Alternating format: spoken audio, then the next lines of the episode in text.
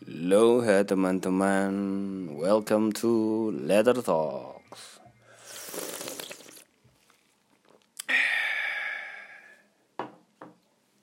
Halo, Eh, kalian lagi dengerin Letter Talks untuk tajuk kajian resahmu episode ketiga.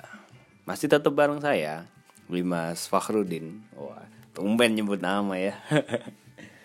Eh, Oke, Eh, nggak terasa, nggak terasa kajian resahmu akhirnya masuk episode ketiga dan di apa ya perjalanan sampai episode ketiga ini agak nggak nyangka juga sih ternyata respon teman-teman mengasyikkan. Wah.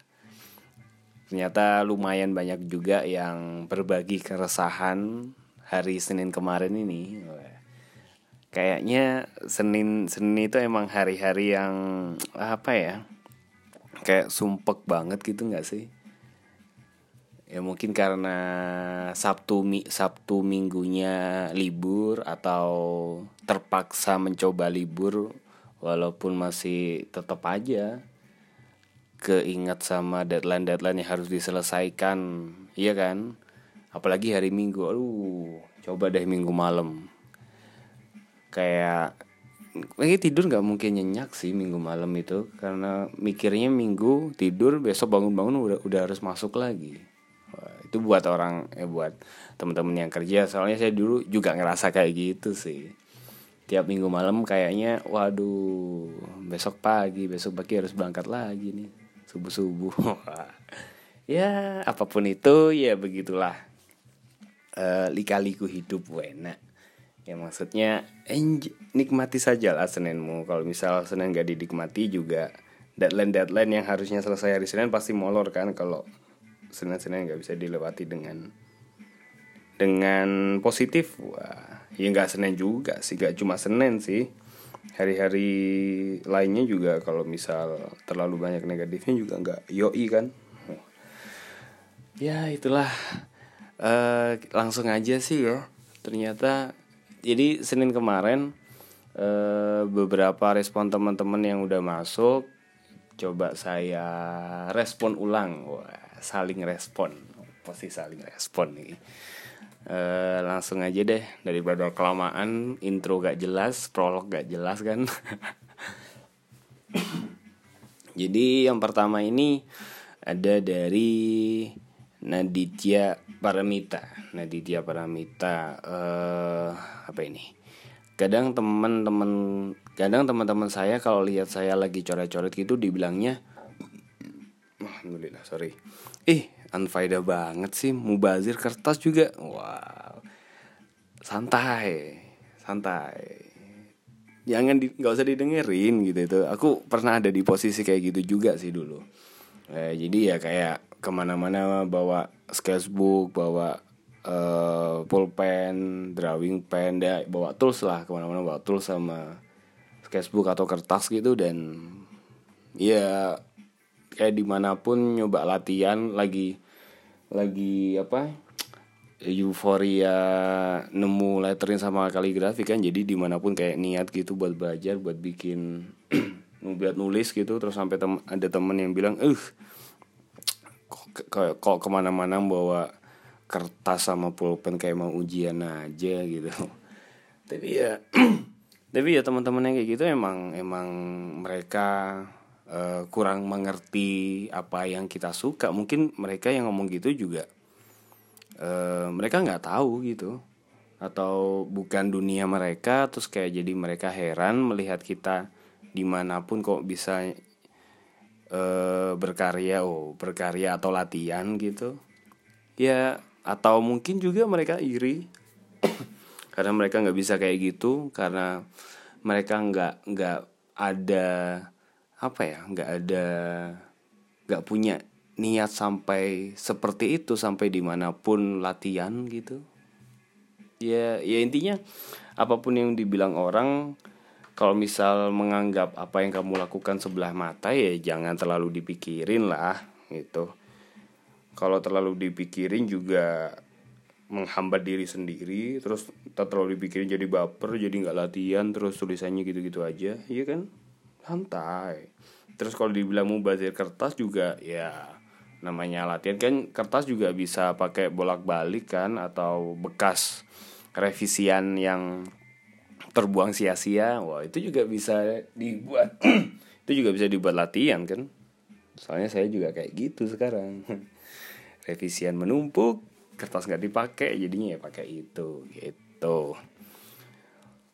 Itu kalau mau bazir kertas ya mau bazir kertas bisa pakai kertas bekas kertas hasil revisian atau pakai koran atau apa pun gitu. Bisa kok santai nggak usah terlalu dipikirin oh iya terus dari Widya Mauludi Gimana caranya agar terus bisa nulis walaupun di tengah kesibukan? Nah, berarti nyambung sama uh, si Naditya tadi kan ya. Uh, caranya agar bisa terus nulis walaupun sibuk ya tergantung apa namanya uh, uh, uh, uh, uh, apa itu? Uh, niatnya segimana sih? Jadi kayak prioritas juga. Kalau emang pingin lat eh, kalau emang niat buat latihan terus ada di prioritas yang keberapa pasti kita kita bakal nyempetin si latih apa nyempetin nulis gitu di mana pun di tengah kesibukan kayak gimana. Ya mungkin lagi nunggu uh, antrian nasi goreng atau nunggu uh, mas-mas ojek online dateng bisa kan? Nunggu makanan diantar juga bisa. Kayaknya kalau misal udah udah niat latihan pasti kesesibuk apa pun kita sempetin buat nulis gitu loh.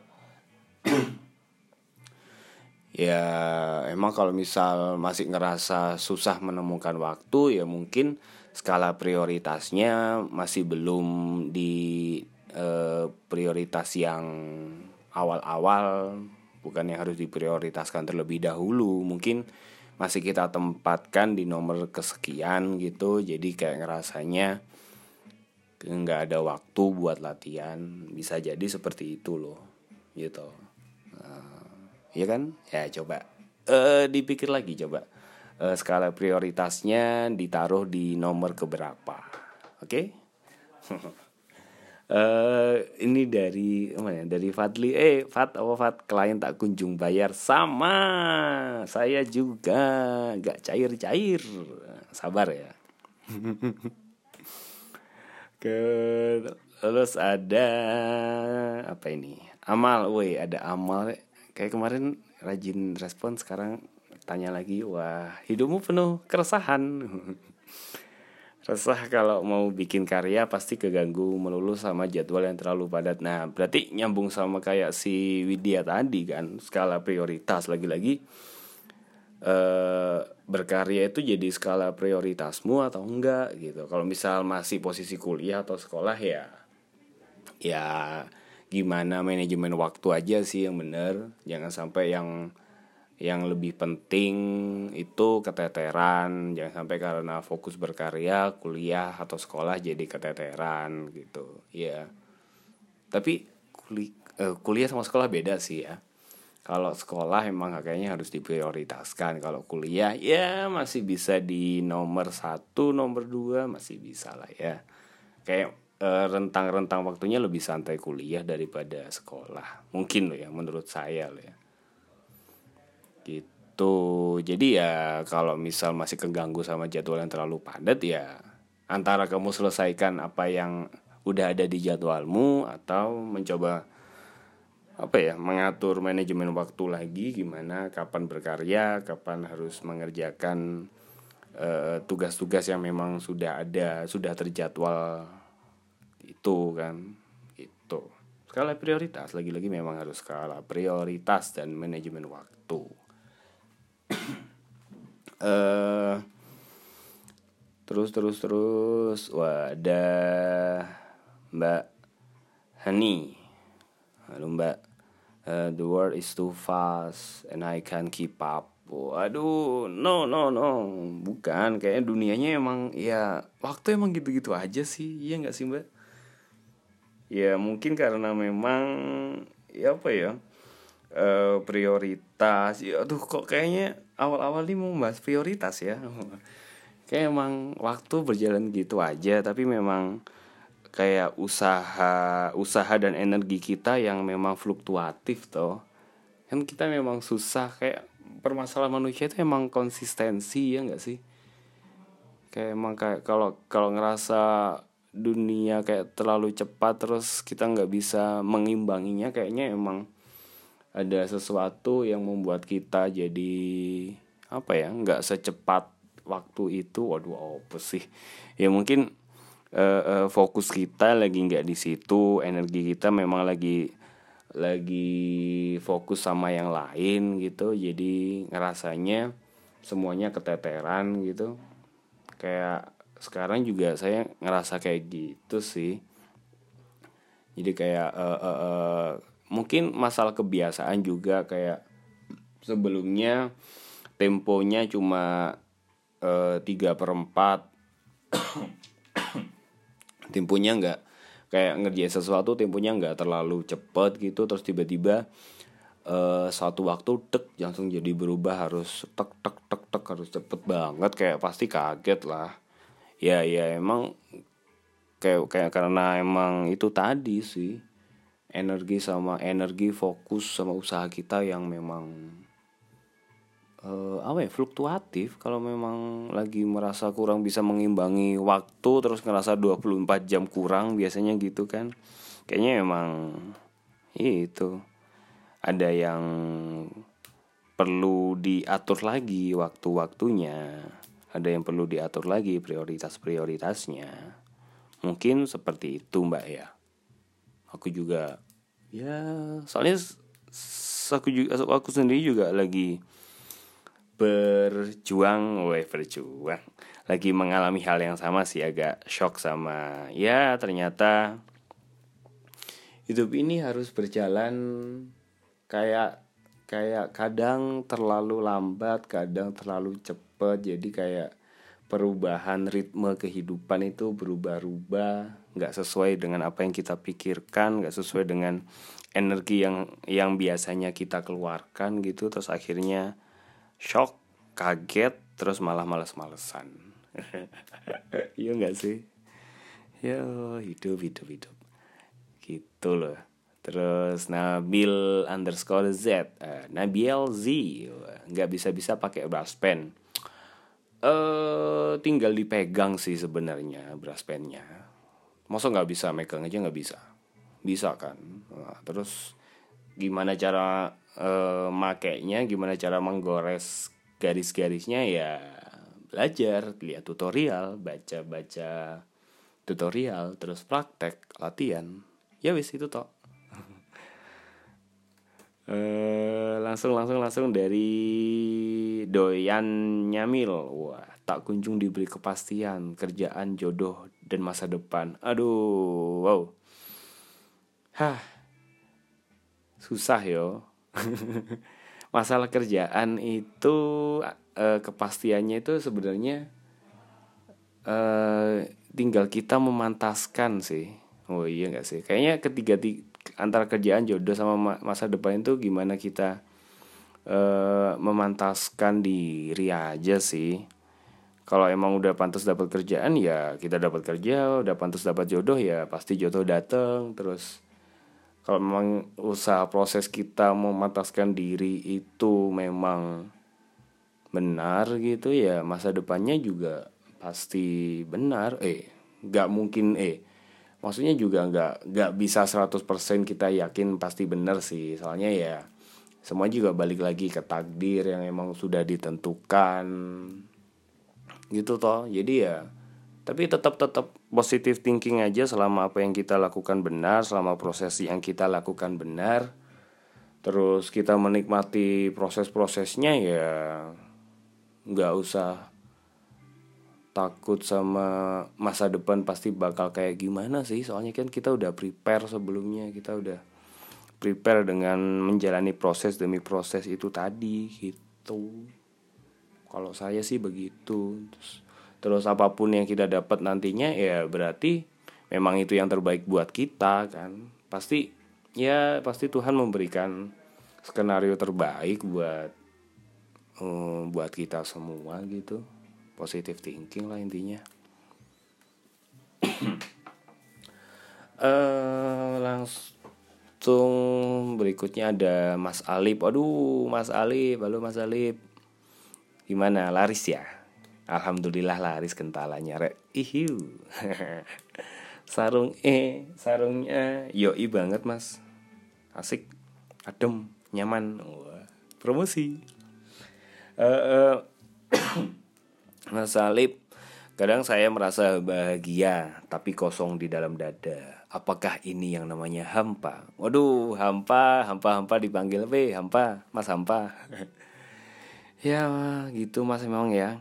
Kadang bahagia yang kita rasakan itu nggak bukan bener-bener bahagia yang untuk jangka panjang gitu kan. Kayak sekelebat wah sekelebat kayak cuma sekilas wah sekilas bahagia tapi setelah ngerasa bahagia wah terus ternyata dalam hati gitu aku iki bahagia gawe opo ya? Masuk hal-hal yang sepele hal-hal yang bersifat sementara ini pantas dirayakan pantas pantas apa ya meras kita rasakan bener terlalu kita rasakan gitu. Apa ya ya kadang-kadang emang bingung bingungnya di situ sih mas. Aku juga belum sampai di level itu. Kayaknya sampean yang lebih paham.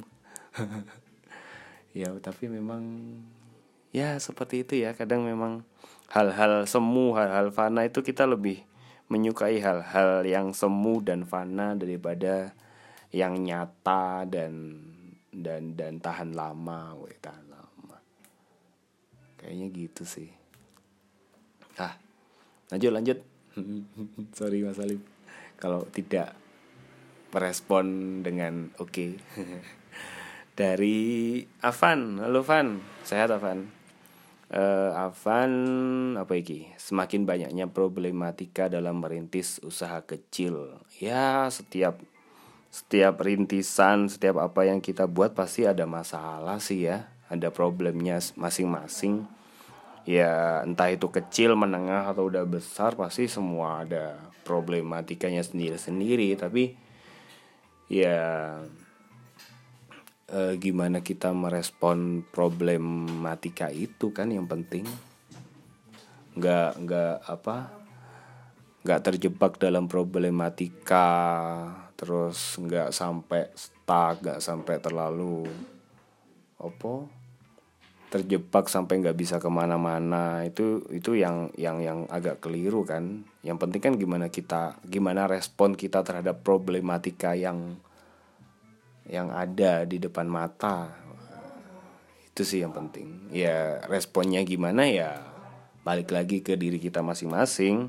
Kayak uh, uh, uh, pengalaman kita juga bicara terus uh, apa yang kita lakukan sehari-hari gitu. Emang balik lagi ke diri kita sendiri cara meresponnya gitu. Ya pasti bisa lah. Kita pasti bisa. Ya kan nggak mungkin. Kan katanya Tuhan nggak mungkin ngasih ngasih cobaan di luar batas kemampuan hamba-hambanya. Iya toh? Jadi ya terus juga katanya di setiap kemudahan eh, di situ juga ada eh di setiap kesulitan di situ juga pasti ada kemudahan. Tinggal bagaimana kita mencarinya aja kan. Iya enggak oh iya dong. Eh lanjut dari Dede Amarendra. Wah pengen mengembangkan diri namun nggak dapat dari nggak dapat dukungan dari sekitar. Baiknya gimana uh, iya sih kadang-kadang emang sering sih kayak gini. Uh, kayak yang yang di apa yang tadi di awal-awal tadi dari Naditya sama Widya Mauludi kayak uh, ketika kita berkarya mungkin kalau konteksnya ketika kita berkarya terus uh, lingkungan di sekitar kita kayak kurang mendukung malah melihat sebelah mata ya. Ya sebenarnya itu bisa jadi cambuk tersendiri sih bisa jadi motivasi tersendiri. Kayak motivasi buat kita membuktikan gitu. Kayak emang pembuktian itu emang pasti bakal lebih bisa membakar semangat gitu gak sih? Kayak wah aku kudu membuktikan nih Masuk mereka menganggap aku nggak bisa loh pasti aku bisa awas aja loh nah yang pasti ya no kan? Jadi ya kalau misal nggak ada berdukungan dari sekitar ya coba coba apa itu eh uh, apa ya jadikan itu motivasi lah buatmu untuk terus-terus mengembangkan diri gitu. Kalau misal uh, ternyata memang kamu butuh orang-orang yang mendukungmu untuk bisa lebih berkembang lagi ya carilah. Jangan terlalu apa ya jangan terlalu terjebak di lingkaran sekitarmu itu. Cari lingkaran-lingkaran lain gitu. Yang yang memang sejalan sama kamu yang memang mendukung apa yang kamu lakukan yang memang bisa membantumu untuk mengembangkan diri gitu loh.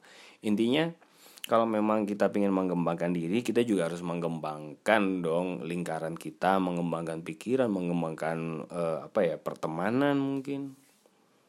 Terus uh, mungkin mencari-cari referensi kan?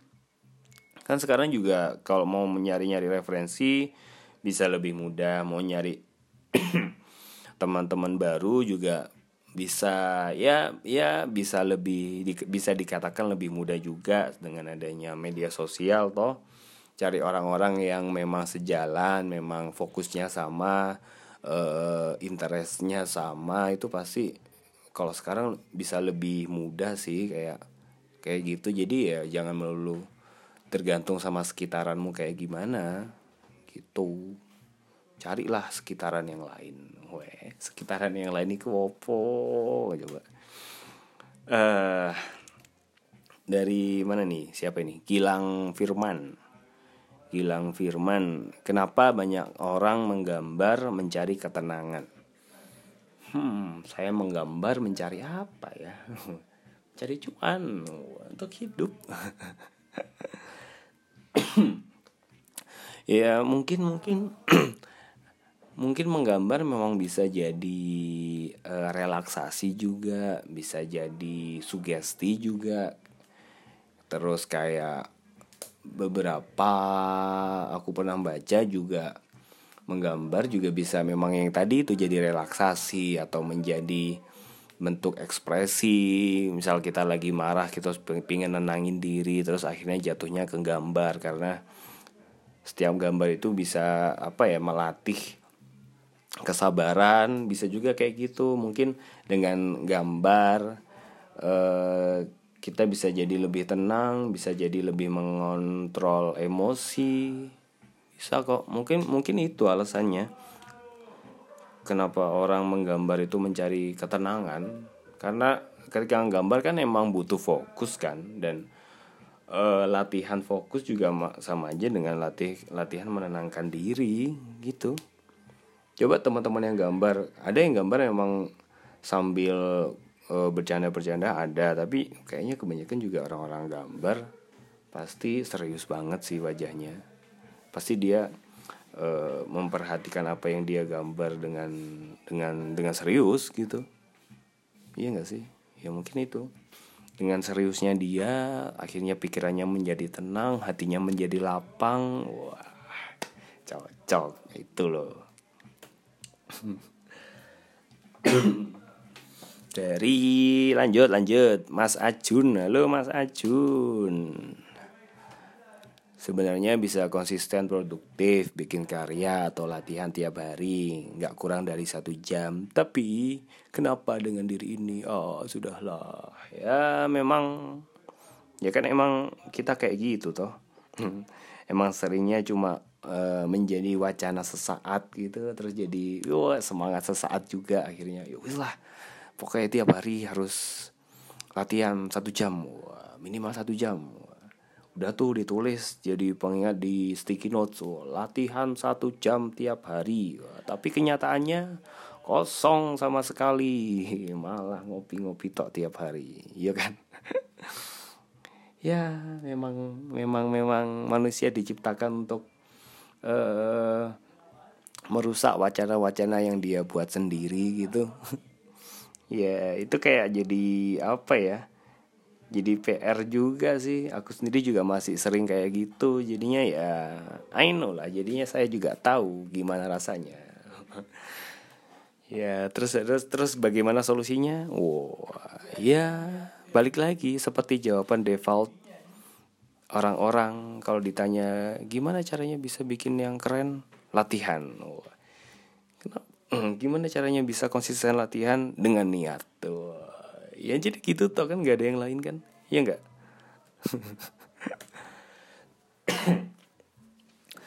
Uh, terus terus terus uh, ini ada Dika Rambu nih.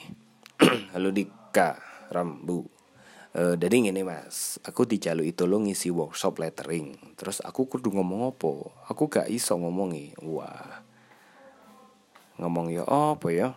Ya kalau misal udah udah merasa uh, apa ya merasa paham basic-basicnya tentang basic keilmuan lettering itu tadi terus ya minimal sudah menguasai basic-basicnya terus secara eksplorasi mungkin atau uh, apa ya eksekusinya juga sudah paham gitu ya ya tinggal ngomong aja. Sebenarnya juga uh, latihan ngomong, latihan apa ya mengajarkan ke orang lain itu juga jadi apa ya jadi proses belajar buat kita gitu loh. Karena dengan kita mengajarkan kepada orang lain juga sama aja kita juga belajar lagi kan gitu loh. Jadi emang emang apa ya belajar uh, emang ngomong ke orang lain mengajarkan apa yang kita mengajarkan ilmu yang kita punya kepada orang lain tuh kayaknya emang harus dipelajari sih gitu loh. Karena berbagi ilmu itu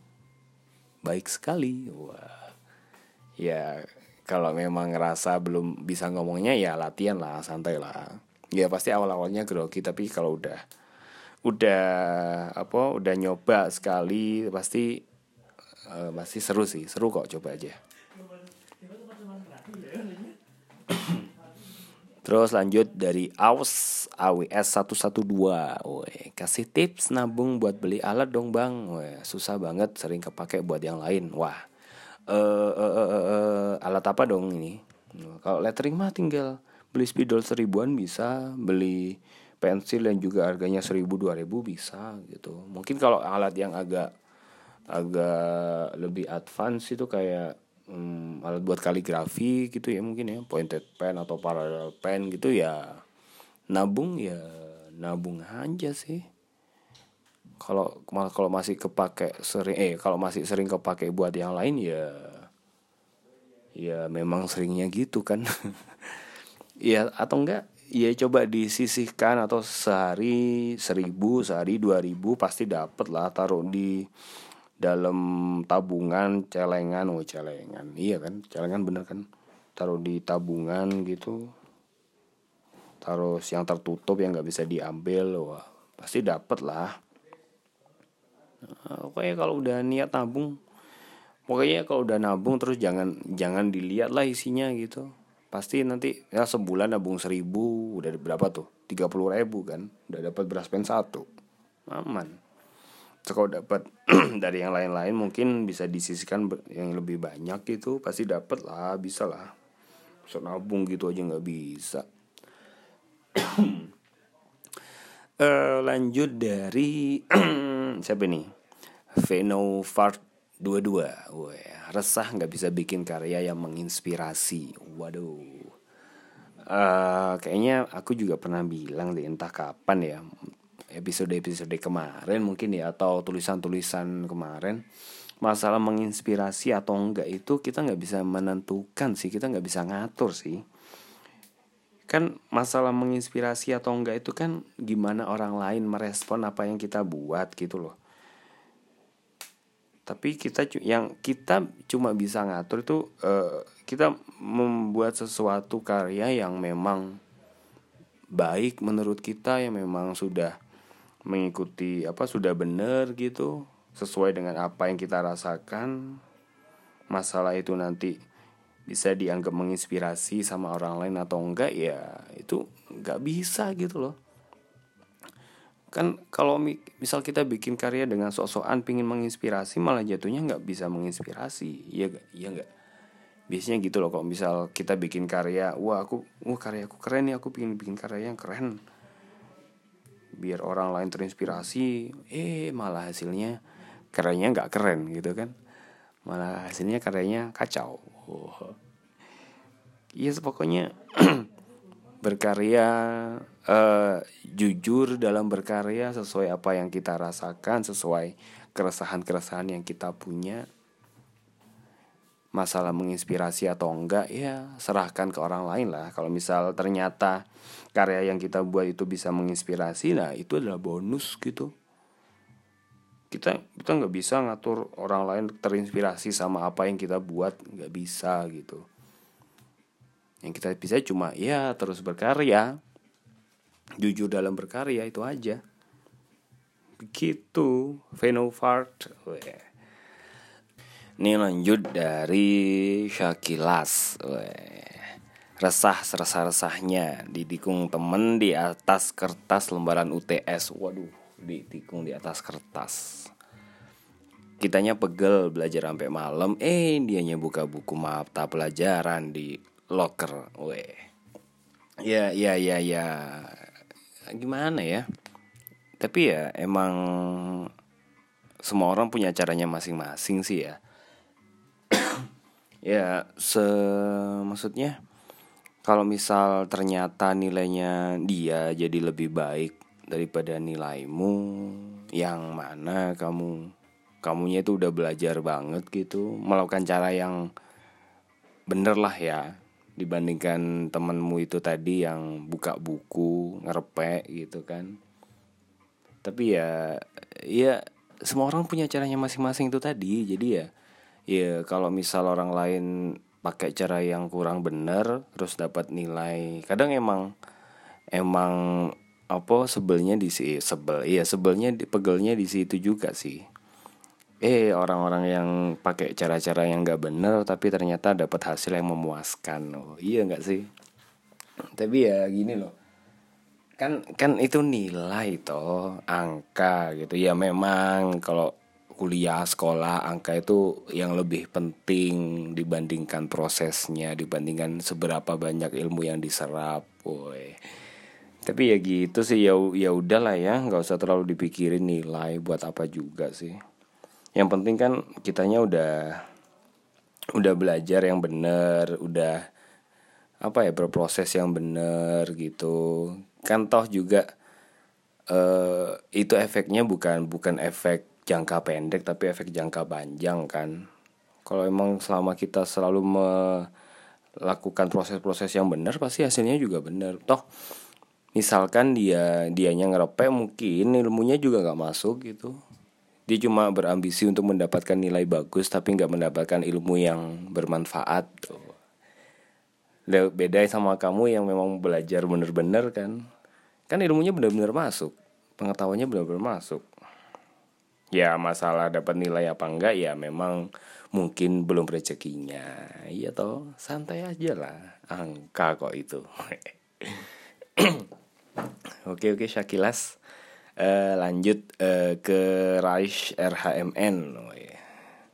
Menurut Mas, menurut Mas seberapa penting pengambilan foto dalam display karya manual? Oh, yeah. Kalau menurut saya ya, karena memang kebanyakan apa yang saya unggah di medsos terutama Instagram saya itu emang kebanyakan foto gitu. Kan memang uh, saya sendiri juga suka foto sih. Jadi ya kayak penasaran gimana ngulik angle yang bagus ngulik gimana tata letak yang oke okay, terus tone warna yang asik gitu. Jadinya ya ke selalu penasaran itu jadinya pingin pingin terus presentasi cara presentasi seperti itu gitu. Jadi kalau masalah penting nggak penting sebenarnya entah itu kamu presentasinya pakai foto atau yang lainnya selama itu bisa menarik gitu pasti sangat berpengaruh sih penting banget sih. Ya sekarang kalau diambil contoh ya coba buka Instagram terus berapa banyak karya karya yang pakai style brush kaligrafi. Banyak banget kan. Nah tugas kita kan gimana caranya kita bikin presentasi karya yang bisa menarik perhatian orang-orang yang melihat biar karya kita itu outstanding. Outstanding itu apa ya? Mau terlihat lah di antara begitu banyaknya karya lain yang sejenis gitu. Ya di situ letak letak pentingnya presentasi itu tadi.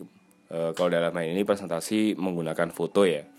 Pengambilan foto yang penting itu juga pengambilan foto itu juga penting dalam display presentasi karyamu gitu. Jadi ya kalau misal mau ngambil foto juga harus diperhatikan kayak misalnya cahayanya gimana terus tata letak layoutnya aksesoris yang dipakai buat karya itu. Jangan sampai terlalu banyak terus akhirnya mengganggu fokus yang melihat malah uh, fokusnya bukan ke karyamu tapi ke aksesorisnya gitu. Terus apalagi? Ya masalah itu sih kayak setelah ambil foto karena cahayanya udah bagus terus gimana cara ngeditun warnanya mungkin? Dibikin tone warna yang mungkin sedang uh, lagi tren atau tone warna yang unik atau gimana? Itu juga bisa. Pokoknya kalau di Instagram sih sejauh ini menurut saya ya yang penting gimana uh, uh, uh, apa foto itu tadi bisa mendukung karyamu sih. Dari segi ya dari segi angle-nya, layoutnya, terus uh, warna fotonya juga, kecerahannya itu sih yang penting. Gitu penting penting penting penting banget kalau buat saya. Gitu terus lanjut dari Sofia Mega weh. Dari mbak-mbak blogger kopi panutan Malang Raya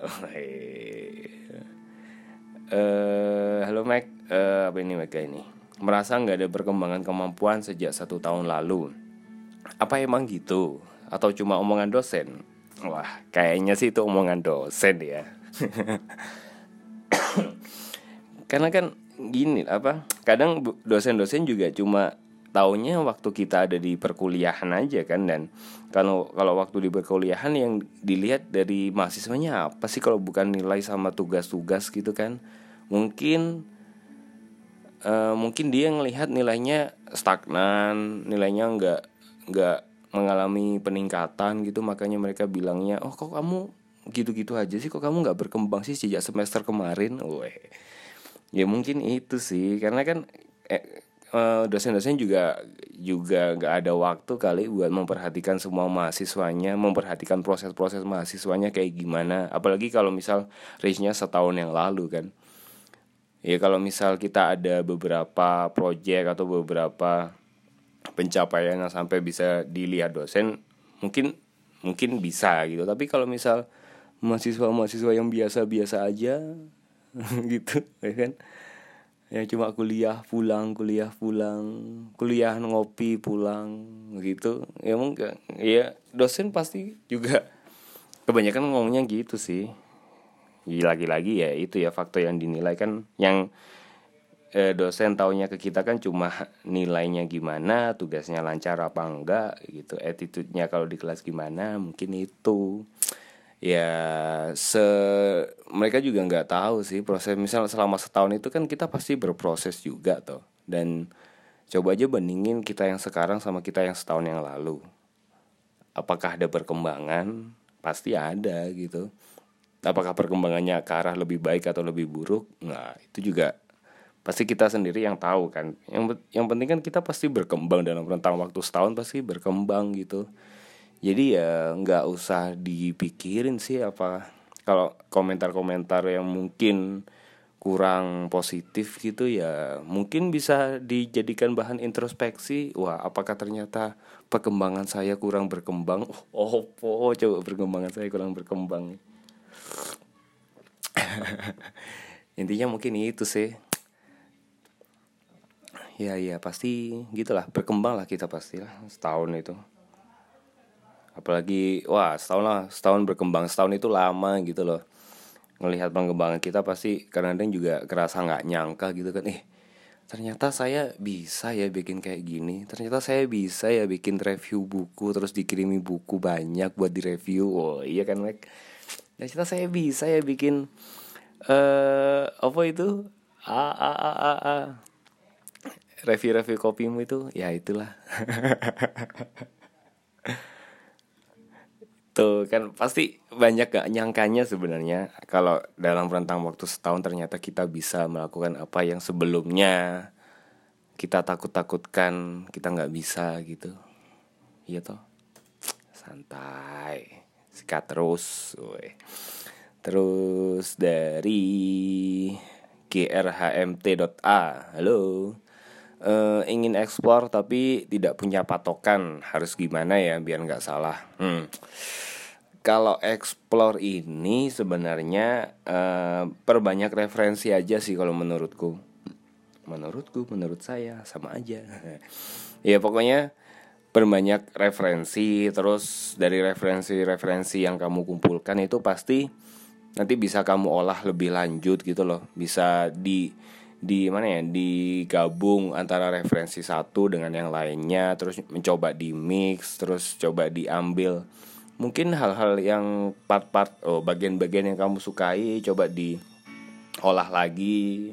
Itu mungkin salah satu cara caranya eksplosif kayak gitu ya sama sama uh, apa namanya uh, ada ada satu artis yang kita sukai sih karyanya gitu jadi kalau misal kayak hasil obrolan sama teman-teman yang kemarin juga gitu pasti ada ada artis yang kita kita sukai gitu karyanya ya. Dan secara nggak langsung kita pasti ngikutin si doi ini gimana prosesnya dari awal sampai akhir atau prosesnya dia itu berkarya seperti apa.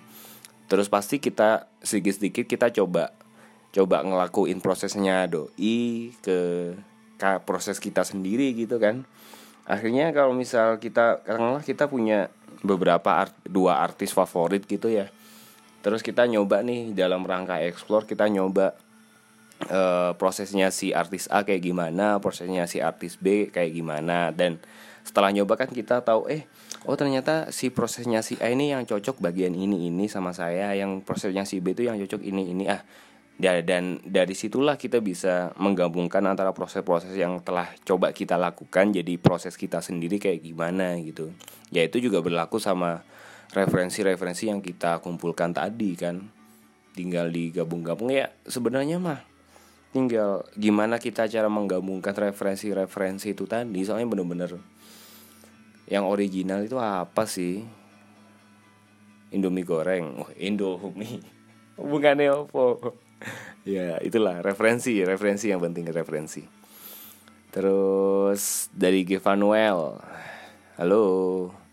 Ngerjain pekerjaan tiga empat orang tapi bayarnya satu orang. Wah wow. ya ngapain dikerjakan coba? Orang dapat pekerjaan yang nggak bisa menghargai pekerjaannya itu ya nggak usah diambil lah. Capek-capekin diri sendiri. Tapi kan butuh buat bayar kebutuhan sehari-hari butuh buat makan. Oh iya ya. Gimana ya? Ya intinya itu balik lagi ke kita sih. Kita kita bisa menghargai diri kita sendiri apa enggak. Itu aja sebenarnya. Uh, lanjut dari topo in type. Wah gimana sih biar kita bisa cepat keluar dari titik jenuh dan meneruskan apa yang udah kita tekuni atau kita jalani sebelumnya? Hmm Uh, kalau merasa jenuh sih kayaknya semua orang ya, apalagi saya juga sering banget sih di titik jenuh kayak gitu. Dan biasanya kalau biar bisa keluar dari titik jenuh itu antara kamu refreshing entah bagaimana refreshing versimu ya atau ngobrol sama teman-teman yang lain.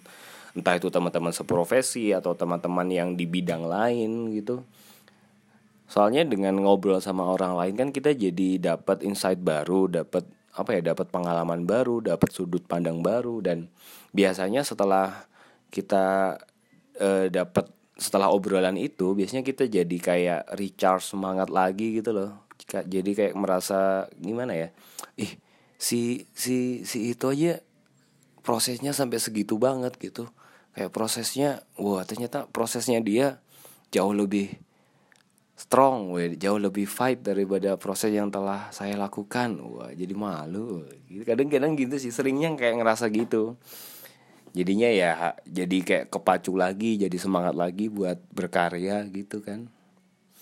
Sebenarnya cuma masalah masalah kita mau obah kita mau gerak apa enggak sih kalau udah jenuh itu. Tapi kalau udah males banget ya terus bingung mau ngapa-ngapain ya tidur saja ya. Turu ai istirahat yang penting. Yang penting istirahat. Mungkin setelah bangun terus seger lagi dapat inspirasi lagi bisa kan? Uh, terus lanjut. Dari bayu.ai ai ai. Inspirasi mandek amargo sekelas karo mantan mas. Waduh ya Allah. Kandani yo lapo pacaran pacaran ya ya ya masalah hati ya kayak eh, masih problematika milenial so ya maksudnya ngapain masa cuma gara-gara mantan terus inspirasi berhenti? Aduh. Aduh aduh aduh aduh. Dari es krim coklat keresahan. Halo Don. Aman kopi kopi nih Don. Apa ini keresahan saat ada klien yang minta dibuatin gambar yang harus mirip dengan yang ada di Google. Waduh iya sih. Kadang emang klien-klien ini entah mereka men, apa ya menerapkan prinsip-prinsip ekonomi oh, atau memang mereka mencoba meningkatkan kemampuan kita. Oh, iya kan? Kadang mau iya tapi kalau misal kadang ada sih kayak referensinya si A gitu mas aku coba bikin kayak gini sih ya ya mending langsung dekat ke si A aja daripada ke saya gitu. Tapi emang harus kita kitanya kan kayak ada dua opsi gitu kan kalau dikasih kayak gitu. Antara kitanya menerima dengan dengan menjadikan uh, itu tantangan gitu tantangan yang bisa meningkatkan kemampuan kita. Tapi juga di satu sisi juga uh, takut juga sih apa sih kayak mengecewakan hasilnya. Jadi ya harus dibilang di awal juga sih kayak mas Uh, saya belum kayak saya saya spesialis spesialisasinya bukan di sini. Jadi mungkin hasilnya kurang maksimal seperti referensi yang diberikan gitu. Kalau misal si klien udah oke okay, nggak apa-apa mas kalau mas tapi biasanya pasti gitu sih. Kalau mas aku juga per, aku percayai kesampaian gitu. Terus waktu dikasih hasilnya loh ini kok gini mas? Ini kok gini kok gini kurang ini kurang ini. Ya lah ya kan gitu loh orang-orang itu loh. Ya harus harus diklirkan di awal sih emang. Kalau misal ternyata itu bukan spesialisasi kita ya ngomong aja bukan. Terus hasilnya pasti antara bisa si coba semaksimal yang kita bisa gitu atau bisa langsung ke yang bersangkutan gitu biar bisa lebih maksimal gitu. Uh, terus terus dari Faik Talib, oh ya, Faik THLB. Posisi tangan yang pas buat tangan yang besar tapi brush pennya kecil. Aduh, gimana itu ya? Ya, ya, ya, dipegang aja sih ya. Dipegang senyamanmu. Mungkin kalau megang brush pen kan ada sudut-sudut yang harus diperhatikan tuh antara sudut nip brush pen sama kertasnya yang harus antara 30 sampai 45 derajat gitu sudut kemiringannya terus uh, uh, arah apa ya arah tarikan garisnya yang agak-agak miring 15 derajat sampai 20 derajat mungkin bisa kayak gitu. Pokoknya sebenarnya e, kalau misal kamu merasa brush pennya terlalu kecil ya cari brush pen yang ukurannya sedang gitu. Soalnya sekarang kan juga eh, alat-alat apalagi brush pen kan udah gampang gitu dicari dengan bentuk yang macam-macam juga. Kalau yang kecil ya ada sendiri snowman terus yang besar banget ada ecoline ada apa lagi banyak lah ada tumbo lira gitu. Ya sebenarnya kayak mencoba-coba aja beberapa alat terus kan nemu nanti yang nyaman di mana. Kalau udah nemu yang nyaman ya dipertahankan. Eh, terus dari Ferry Fatoni. Halo Fer. Eh, apa ini resah habis ikutan kompetisi mural settingan. Waduh kak rezekimu berarti fair ya. Bukan rezekimu ya. Ya saya tidak bisa berkomentar apa-apa ya seperti itu ya. Entah kita yang kurang menggali informasi lebih dalam dan terlalu excited untuk ikutan lomba tapi ternyata settingan. Ya diambil ik hikmahnya saja seperti kata orang-orang zaman dulu ya. eh terus dari Dead Laxe, oh Dead Lax, oh Dead Lax apa lah itu ya. Masih tetap dengan keresahan aku yang tidak sesuai dengan jurusanku. Hah? Keresahan yang gak sesuai sama jurusan. Jurusanmu kedokteran tapi resahnya tentang informatika. Lah. Aduh nggak tahu ya gimana ya Uh, coba-coba jelasin lebih dalam lagi. Mungkin jurusannya bukan tentang seni-seni, tapi resahmu tentang bagaimana caranya berkarya dengan bidang seni-senian. Ya jalani aja apa yang ada gitu, jalani sebaik yang kamu bisa lah. Kalau katanya festivalis gitu, pasti ada lah jalannya, pasti ada uh, obat-obat agar keresahanmu mereda Oi. Dari lanjut dari dari Hafiziza. Apa iki? Pengen gini kok nggak serak, pengen gitu juga nggak serak. Sebenarnya kita ini mau yang kayak gimana sih? Wah, kita mau yang menurut kita mudah, nyaman, dan banyak menghasilkan. Wah, iya nggak? Iya dong. ya emang, ya emang gitulah manusia manusia ya emang kayak gitu sebenarnya kayak uh, ya kayak yang pernah yang tadi di awal-awal kalau kayak semangat kita itu juga fluktuatif terus keinginan kita juga kadang A kadang B. Uh, gitu kan isu delay sore tempe. Oh, apa sih? Ya kadang ya wajar lah kalau kayak gitu tinggal gimana caranya. Ya itu tadi kalau emang kita harus benar-benar ada acuan-acuan atau poin-poin yang pingin kita capai gitu jadi biar sewaktu mood kita mencela-mencele keinginan kita ke sana kemari masih ada patokan-patokan yang bisa kita ikutin gitu minimal uh, list-list yang harus kita kerjakan itu masih terpampang jelas gitu biar nggak terlalu jauh mencela-mencelenya uh, terus dari eh siapa ini? Patricia PJH. Halo Pet. Apa ini Pet? Resah untuk melaksanakan tanggung jawab yang besar. Eh sebenarnya ya, ya mungkin itu salah satu cara semesta buena. Salah satu cara semesta untuk meningkatkan level kehidupan kita, we. Karena memang kan ya gimana sih kalau orang dikasih tanggung jawab yang besar pasti antara excited terus antara takut gagal antara semangat woi nggak nyangka juga bisa dapet tanggung jawab yang besar. Ya itu seru lah kalau kalau misal nggak malah nggak merasakan kayak gitu kan aneh juga toh. Yang penting kan harus yakin yakino yang penting. Pasti bisa iya apa sih yang manusia nggak bisa itu? Dari Ahmad Faris. Oh, iya. Halo, Riz. Di atas langit masih ada langit, tapi bagaimana cara agar menaiki langit yang lebih tinggi tanpa memandang rendah langit yang di bawah? Waduh, retorika sekali pertanyaannya. Ya, ya, ya itu kan. ya itu memang ujian terbesar umat manusia ya. Wah. Kalau kalau ngerasa apa ya? Nge merasa pintar tanpa menggurui. Jadi kayak gitu bisa kayak gitu juga kan kayak gimana caranya ngasih tahu ke orang lain tanpa merasa menggurui orang itu gitu toh. Jadi kayak kalau udah merasa pintar kayak jadi kayak merasa lebih baik gitu dari orang lain.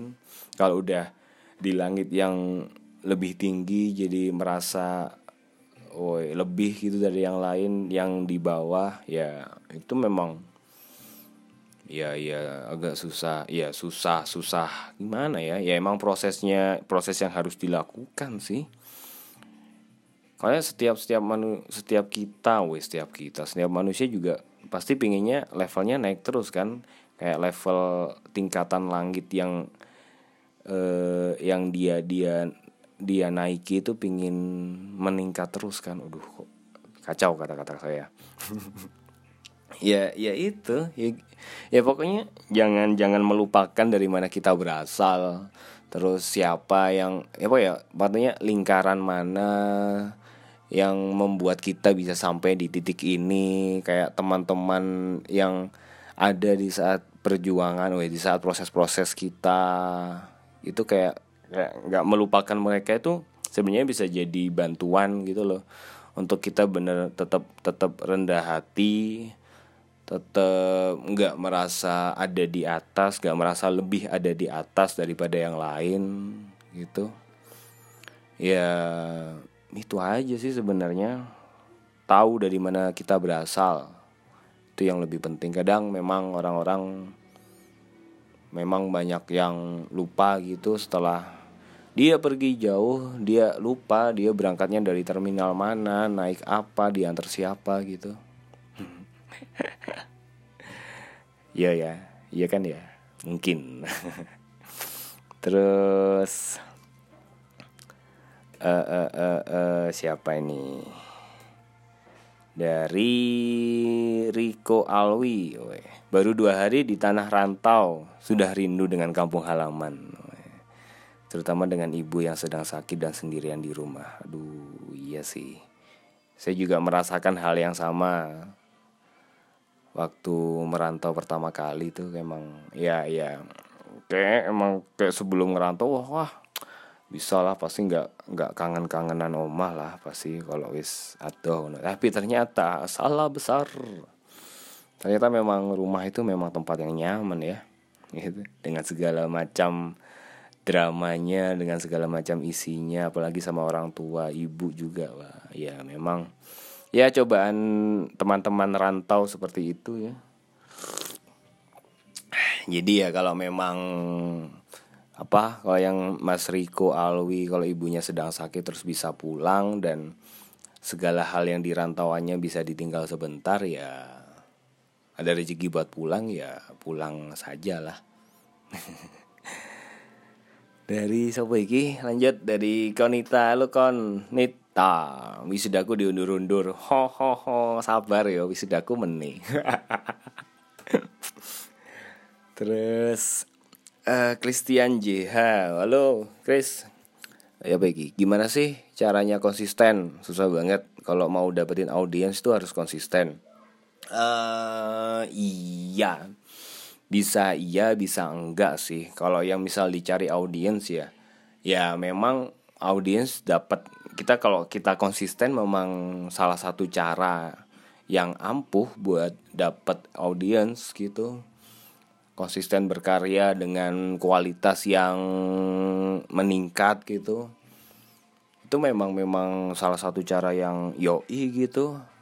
Terus atau dengan membuat satu karya yang oh, wah banget.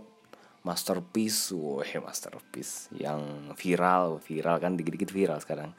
Ya memang konsisten sih yang paling penting konsisten sih. Soalnya emang yang kesusahan kita kan konsisten. Konsisten dalam berkarya misal ya konsisten berkarya dengan satu style aja dengan sampai sampai matang banget gitu. Atau konsisten dengan eh, apa tata letak presentasi karyanya. Konsisten dengan kualitas atau pesan-pesan yang disampaikan. Soalnya konsistensi yang yang yang apa menuntun kita ke arah orang ini bisa mengenal kita seperti apa gitu. Kalau soalnya kalau nggak konsisten juga orang-orang bingung gitu. Jadi mengingat kita itu sebagai yang orang yang kayak gimana dengan uh, mengingat kita sebagai orang yang punya karya seperti apa itu susah kalau kitanya nggak konsisten gitu dan kalau konsisten kan gampang. Jadi oh ini si si A ini yang karyanya kayak gini yang si B ini karyanya yang tema-temanya pasti kayak gini gitu. Si C ini yang di karyanya itu pasti ada satu satu karakteristik tertentu satu apa gitu yang ditonjolkan. Itu sih konsistensi yang penting. Dan susah ya memang susah. Kalau konsisten gampang banget ya tantangannya di mana coba oh iya btw si Christian Jah ini kayaknya barusan upload podcast ya Chris ya? Chris Talk kalau nggak salah aku tadi sempat lihat. Jadi kalau teman-teman mau mendengarkan Chris Talk ya, mungkin bisa langsung ke akunnya Christian underscore JH oh, iya. promosi lagi promosi. Uh, dari Fitra aduh halo Mas Fitra DV admin lettering Malang aku resah apakah apa ya aku resah akan apakah ciri khas karya itu sebuah tujuan akhir atau sebuah pola dalam mencapai tujuan? Wih sur semangat sur. Ayo ayo iki, iki, seru apakah ciri khas karya sebuah tujuan akhir? Uh, seben atau atau pola atau proses ya untuk mencapai tujuan. Kalau menurutku lo ya uh, ciri khas itu kan sebab akibat. Sebenarnya kita kita kita cuma bisa mengingin apa ya kita cuma bisa konsisten dalam berkarya dengan menonjolkan apa yang kita suka mungkin apa yang ingin orang lain lihat sebagai ciri khas kita. Tapi pada akhirnya yang menentukan ciri khas kita seperti apa juga respon orang-orang yang menikmati karya kita kan yang akhirnya membentuk ya itu semua kayak tergabung jadi satu kayak membentuk ciri khas kita seperti apa sih. Terus apakah itu tujuan akhir atau enggak? E, sebenarnya juga enggak bisa dibilang tujuan akhir. Soalnya setelah ciri khas kita terbentuk terus kita mau apa gitu? Apakah itu udah selesai gitu? Kalau itu tujuan akhir kalau udah ciri khas terbentuk terus menengahi kalau lapo-lapo ngono. Kan ya enggak toh. Kayak kayak ya setelah ciri khas kita terbentuk ya kita juga harus tetap berkarya lagi gitu. Kayak eh memikirkan karya-karya apa lagi yang harus dibuat. Kayak konsep-konsep yang apa lagi yang yang belum saya kerjakan gitu. Terus caranya caranya menyebarluaskan karya kita. Terus bisa mendapatkan apa ya audiens yang lebih besar apresiasi yang lebih besar itu kayak kayak kayak satu poin lagi gitu yang harus dilakukan setelah misalnya ciri khasnya ciri khas kita sudah terbentuk gitu. Jadi ya mungkin itu sebuah pola bisa jadi eh, bagian keberapa dari keseluruhan pola kehidupan yang ingin kita capai. Oh, iya kan yang penting ya, ya balik ke pertanyaan Christian tadi konsistensi berkarya gitu. Jadi awalnya tahu e, pingin berkarya seperti apa konsisten terus akhirnya secara secara berkelanjutan konsisten berkarya terus akhirnya juga terbangun secara perlahan ciri khasnya kita gimana karakteristik karya kita kayak gimana terus akhirnya muncul lagi tuh kan setelah setelah itu pasti muncul lagi setelah ciri khas terbentuk muncul lagi kayak opsi-opsi pengembangan karya kita mau dibawa ke arah mana begitu. Mungkin setelah dibawa ke arah A akan muncul lagi tujuan-tujuan yang lebih besar gitu. Who siapa tahu. Ya hidup itu sebuah tujuan yang tiada akhir gitu. Hanya kita nggak pernah benar-benar tahu kapan tujuan kita berhenti gitu, kapan kapan akhir dari semua pencarian-pencarian kita. Bayangkan, jadi kayak ISQ. uh, eh, Ari Batul hari ini semakin berat ketika deadline pekerjaan eh deadline pekerjaan belum terselesaikan karena mood tidak berteman. Ya teman lah teman berteman lah sama mood. Ngapain sama mood kok kalah? Terus ki Norma Eka. Halo Nor. E, gimana caranya yakin sama kemampuan diri sendiri? Hmm sebenarnya ya ya gimana kita menghargai proses-proses yang udah dilakukan tadi sih. Kayak e, berkaca juga ke belakang gitu loh. Kita udah berkembang gak sih? Kayak selama enam bulan ke belakang kalau misal masa nggak ada perkembangan dari diri kita gitu? Kalau emang pasti pasti ada perkembangan kan dan setelah kita berkembang ya ya kita juga harus menghargai oh ternyata aku juga bisa kayak gini ternyata aku udah mengalami proses-proses yang panjang terus harus ternyata bagus ya ternyata aku juga keren ya. Ya juga itu penting sih kayak menghargai. Kadang-kadang kita juga lupa menghargai diri sendiri dan terlalu sibuk menghargai orang lain gitu. Iya kan? Sampai sama diri kita aja lupa gitu.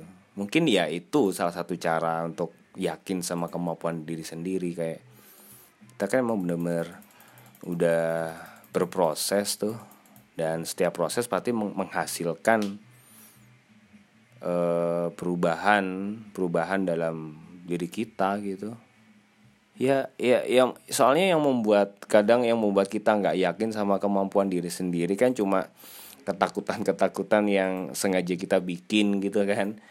Ya karena karena itu tadi sih kayak nggak yakin bisa apa enggak ya terus akhirnya eh, pikiran defensif kita yang menguasai gitu terus akhirnya membuat ketakutan ketakutan eh nanti kalau nggak bisa gimana? Kalau nggak gagal gimana ya? Ah, iya toh.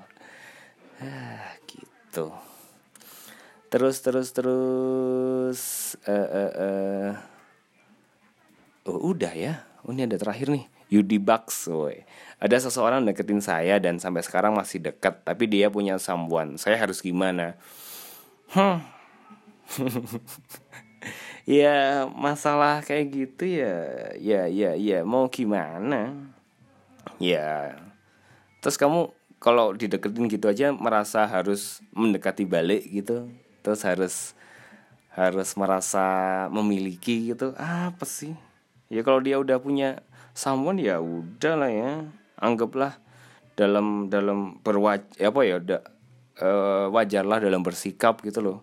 Jangan terlalu berlebihan jangan terlalu gimana gitu. Soalnya nanti kalau udah sama-sama baper kan susah gitu. Terus akhirnya kalau dia gak jadi sama samuannya terus milih sama kamu terus ternyata kamu dituduh untuk merebut oh ya ya ya intinya jangan terlalu mikirin kayak gitulah. Fokus aja fokus kuliah fokus berkarya gitu lah wong. Karyanya masih belum bener basicnya belum bener kok sudah memikirkan yang lain. Kenapa? Biar menarik perhatian si doi ya aduh berkarya untuk menarik perhatian si dia. Oke lah. Ya uh, uh, uh, apa motivasi orang-orang berbeda-beda ya teman-teman ya. Ya kita harus menghormati proses-proses orang lain. Entah itu dalam berkarya dalam menjalani hidup atau yang sema semacamnya ya intinya ya selama kitanya juga berproses melakukan hal-hal yang baik dan membahagiakan orang lain gitu ya sudah lah ya hasilnya seperti apa pasti dikasih yang yang sesuai sama Tuhan yang Maha Esa. Woy. Subhanallah sekali penutupan kajian resahmu kali ini. ya mungkin itu dulu ya uh, untuk sesi episode ketiga kajian resahmu. Ya dan ya ya jangan terlalu percaya sama apa yang saya omongkan. Ya saya kayak gini cuma untuk mengisi uh, waktu-waktu uh, yang sekiranya sedang luang dalam kehidupan saya untuk saling berbagi keresahan, Wih, saling meredakan keresahan yang ada di kehidupan-kehidupan ini. Wih, nah, oke, okay, ya sampai jumpa di episode keempat, sampai jumpa di topik eh topik lagi safalas kali eh safalas sorry. Eh, sampai jumpa di tajuk kajian resahmu berikutnya. Terima kasih. Salam